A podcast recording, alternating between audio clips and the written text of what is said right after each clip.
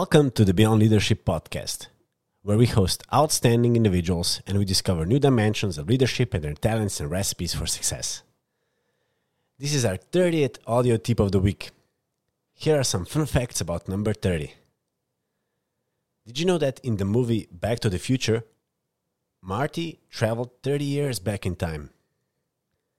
The minimum age for a US senator has to be 30 and cats have exactly 30 teeth. when I was 30, I remember thinking to myself, wow, this is it. I've entered the golden age, the best age. So let's go to today's tip of the week. Today's tip of the week is based on the article The Hazards of the Have We Forgotten How to Small Talk written by Samuel, published in July in 2021 in Harvard Business Review.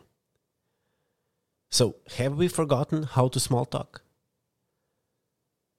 Sometimes you're feeling ill prepared and nervous to make small talk, especially when you get back to the office. If stopping for impromptu hallway chat seems a little daunting, you're not alone. Returning to the office and socializing with people we haven't seen in person for more than a year can feel scary, right? And many of us are socially rusty after a long pandemic year. The good news is you can rebuild your small talk muscles with practice. So, how to small talk? The virtual meetings we have grown accustomed to get right down to the business. There have been few, if any, intersocial spaces on our work agenda to catch up. Our increased reliance on emails and private messages to communicate have only exaggerated the problem. Let's revisit the basics. Here are a few conversation starters. Try them out, tweak them so they feel authentic to you, and use whatever is most helpful. Number one, cooking and baking. Many people discover their inner chef during the pandemic. You might ask your coworkers, what are your new favorite meals? Or what's a simple recipe you discovered recently? Number two, hobbies. We all like to talk about hobbies, right? You might be curious about what your colleague did with their time while not in the office. Try asking, Did you rediscover any hobbies during quarantine? Or what was your favorite thing you read, watched, listened to last year. And final vacation plans. With travel restrictions lifting in many parts of the world, lots of us are starting to think about making up for lost vacation time.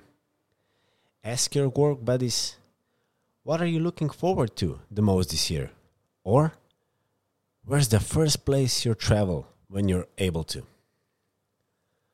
While this may seem difficult, reconnecting with colleagues is further evidence of our resilience and our ability to shift to match our circumstances.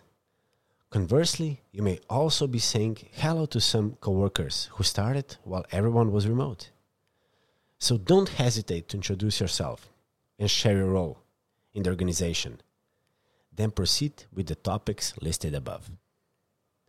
So, do you like small talks? Is your culture embracing this small talk society. Well, this was this week's tip of the week. Make sure to subscribe and follow us on all podcast channels like Spotify, Apple, Google, Castbox, and also follow us on YouTube, LinkedIn, Instagram, and Facebook. And also, we have a new website, beyondleadership.si. Check it out. Till next time.